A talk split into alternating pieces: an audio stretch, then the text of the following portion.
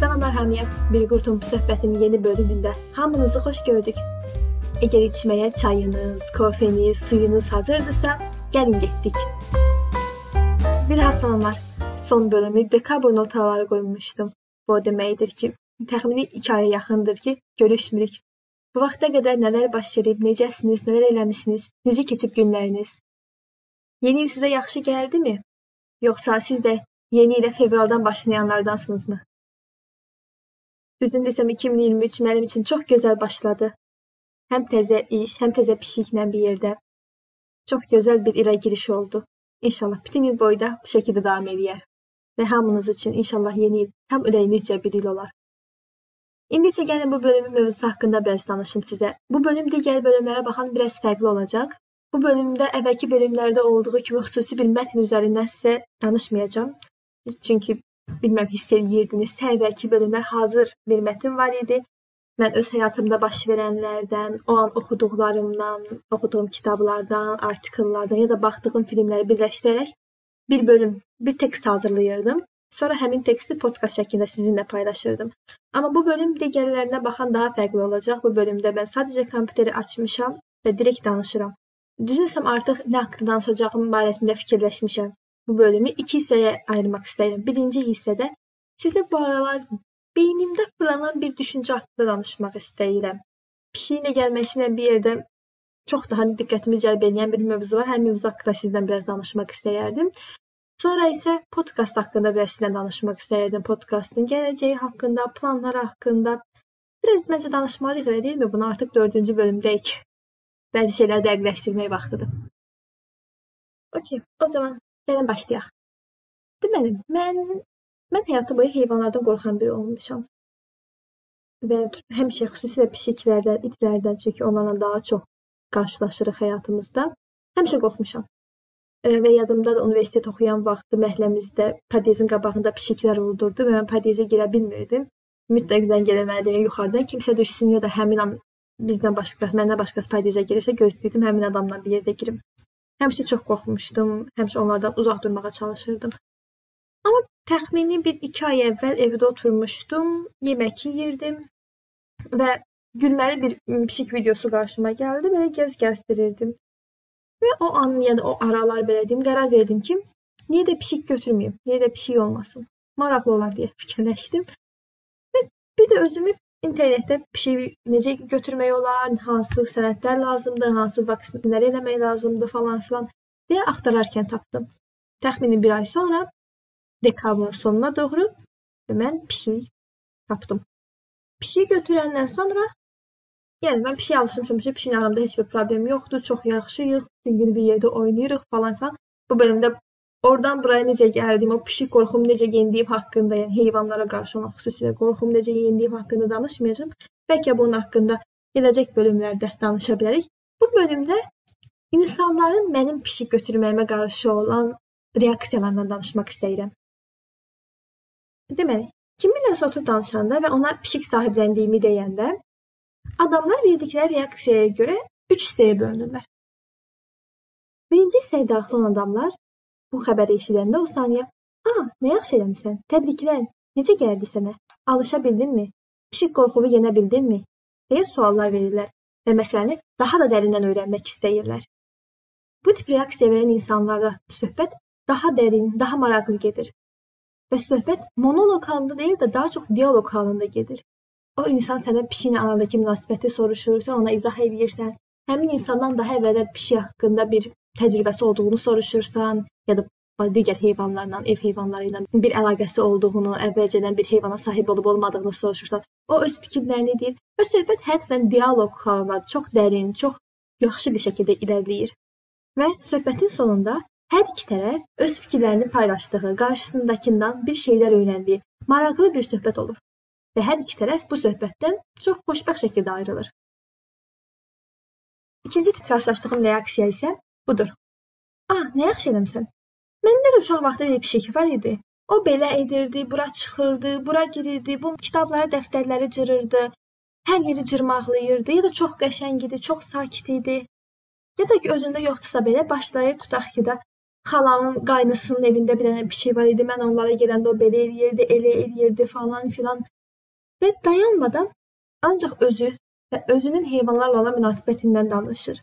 Və sanki sənin pişik aldığı heç eşitməmiş kimi, sanki o bunu heç qəti maraqlandırmamış kimi bir reaksiya verməyə başlayır. Və bu söhbət çox vaxtı monoloq şəklində davam edir. Ancaq bir insanın dayanmadan özü haqqında, öz təcrübələri haqqında danışdığı və qarşı tərəfindən başda qulaq asmağa çalışıb, sonradan isə qulaq asırmış kimi elədiyi bir monoloq halını almağa başlayır. Bu tip söhbətlərin sonunda çox vaxt hər iki tərəf özünü yorğun hiss edir. Bir tərəf dayanmadan danışdığı üçün, digər tərəf isə dayanmadan qulaq asırmış kimi elədiyi üçün. Bu insanlar istəmədən belə olsa qarşısındakına dayan, sənin fikirlərin, hisslərin vacib deyil. Sən hələ mənə qulaq as. Gör mən nələr eləmişəm. Çünki mən səndən daha önəmliyəm, daha vacibəm mesajı verirlər. İndi isə keçək üçüncü tip reaksiyaya. Bu tip reaksiyalarda isə qarşılaşdığım hal belə olur. Tutaq ki, mən deyirəm ki, hə, mən də yaxşıyam, bu aralar pişik almışam. Ya da ki, a, Instagramda pişik aldığımı gördüm deyib o saniyə ardınca neqativ bir cümlə qurmağa tələsirlər. Misal, a, bilirsən də, pişiklər evdəki hər şeyi dırnaqlayırlar. Mən bilirəm. Ona görə də onun üçün xüsusi xalça almışam. Yox, e. Onlara fərqi yoxdur. Onlar yenə də bütün divanı, kravatı dırnaqlayırlar. Cırıq-cırıq edirlər. Yəni əslində məni bu o qədər də narahat eləmir. Alanda bu tip şeyləri nəzərə almışdıq. Yox, yox, sən bilmirsən, sən yaşadıqca görəcəksən. Məndə pişik var idi, o belə-belə edirdi. Və mən başlayaram yenə. Bilirsiniz, bla bla bla kimi gedərəm. Amma onların həmişə bildikləri bir qarşı fikirləri var. Bu tip reaksiya verən insanlarla söhbət təxmin edə biləcəyiniz üzrə heç də xoşagəlməli olmur. İnsanın həyəcan, xoşbəxtlik, sevinclə başladığı hər fikri, hər cümləni belə insanlar belindən vurmağın bir yolunu tapırlar. Siz hər dediklərinə bir hər yolu tapdıqca bu insanların düz deyirsən, ammaları daha da çoxalacaqdır. Və söhbətin axırında Siz istəsəz də, istəməsəniz də qarşınızdakı insan sizin bütün enerjisini əlinizdən alacaqdır.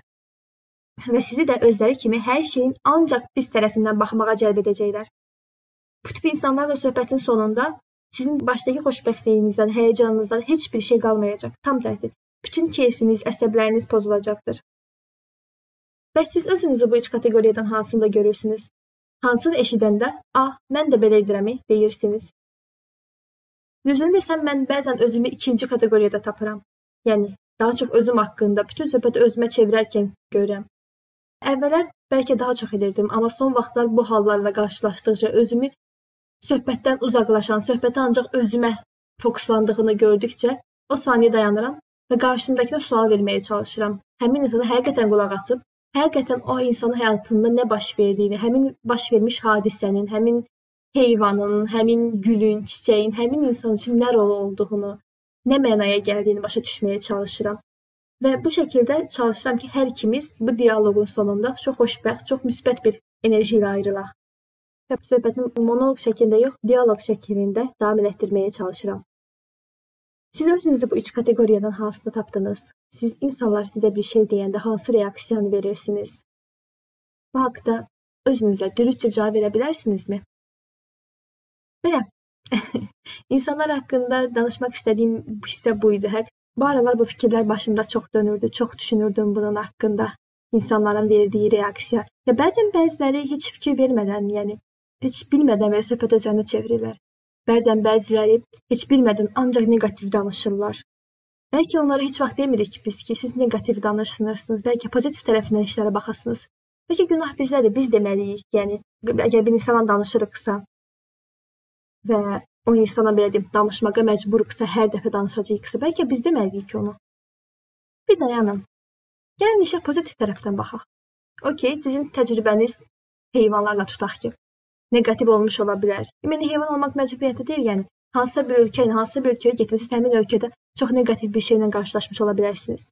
Bu normaldır. Amma bu o demək deyil ki, ora gedən hamı eyni neqativ şeylə qarşılaşacaq. Bəzi insanlar sizin getdiyiniz, siz Türkiyəyə gedə bilərsiniz. Türkiyə, İstanbul çox qarışıq gəlmiş ola bilər sizin üçün və siz sevməyə bilərsiniz. Amma bəzi insanlar qarışıqlığı çox sevirlər və onlar ora gedəndə özlərini daha yaxşı hiss edirlər. Siz elə hiss eləməsiniz deyə hamı eyni cür şəkildə hiss eləyəcək deyil. Və ona görə öz neqativ rəklərinizi başqasına yükləmək məcburiyyətində deyilsiniz. Tam tərsi. Gəlin başqalarının xoşbəxt olmağına biz də xoşbəxt olaq. Onların xoşbəxtliklərini daha da artırmağa çalışaq. Tam tərsi, hətta mümkünsə onların xoşbəxtliyindən özümüzə də pay götürək. Misal olaraq, əgər bir dostunuz sizə gəlib, "A, bilirsən, mən keçən gün bir restorana getmişdim. Tutaq ki, orada bir dənə kek yedim və çox xoşuma gəldi." Siz o saniyə öz bişirdiyiniz keklərdən danışmağa başlayıb, amma ya da öz getdiyiniz restoranlara söhbəti çevirməkdənsə, ya da üçüncü tip insan rolu kimi ancaq, "A, yox, ey, o keki mən heç sevmirəm." Ya mən nə bilim, mən o restorana getmişdim, heç yaxşı münasibət görməmişdim oradakı işləyənlərdən. Demək yerinə, "A, nə yaxşı. Bəlkə gələn dəfə biz də bir çay içməyə gedək ora. Mən də həmin kekdən sınamaq istəyirəm." deyib həmin insanla həmin yerə gedə bilərsiniz. Hə, bəlkə həqiqətən kek pisdir. Bəlkə gedib həqiqətən özünüz orada sınayıb, "Ah, yox, e, bu elə də mənlik deyil" deyib, amma həmin kek sayəsində dostluğunuzla 2-3 saat söhbət eləmiş olarsınız. Yəni burada nə demək istədiyim aydındır, başa düşmürəm. Yəni inşallah aydındır deyə ümid edirəm. Hər şey neqativ olmalı deyil. Həyatda gözəl şeylər də var, həyatda müsbət şeylər də var. Həmin şeylərin qədrini bilmək lazımdır. Həmin şeylərdən istifadə edib özümüzü də həqiqətən gözəlliyə, müsbətliyə aparmaq lazımdır. Onsuz da həyatda bizdən asılı olmayan şəkildə neqativliklər baş verir. Onsuz da həyatda istəsək də, istəməsək də hər televizor açdığımızda, xəbərləri açdığımızda nə yüzlərlə, minlərlə neqativ xəbərlə rastlaşırıq. Gəlin heç olmasa biz çalışaq ki, o neqativliklərin içində heç olmasa özümüzə, ətrafımıza pozitivlik yaymağa çalışaq. O ne neqativliklərin üzərinə birini də biz əlavə eləməyək. Tam tərsi, əgər mümkündürsə, bir gözəl söz deyək. Bir insanın üzündə bir gülüşə səbəb olaq bir insanın sevincinə bir, biz bir sevincdə biz qataq.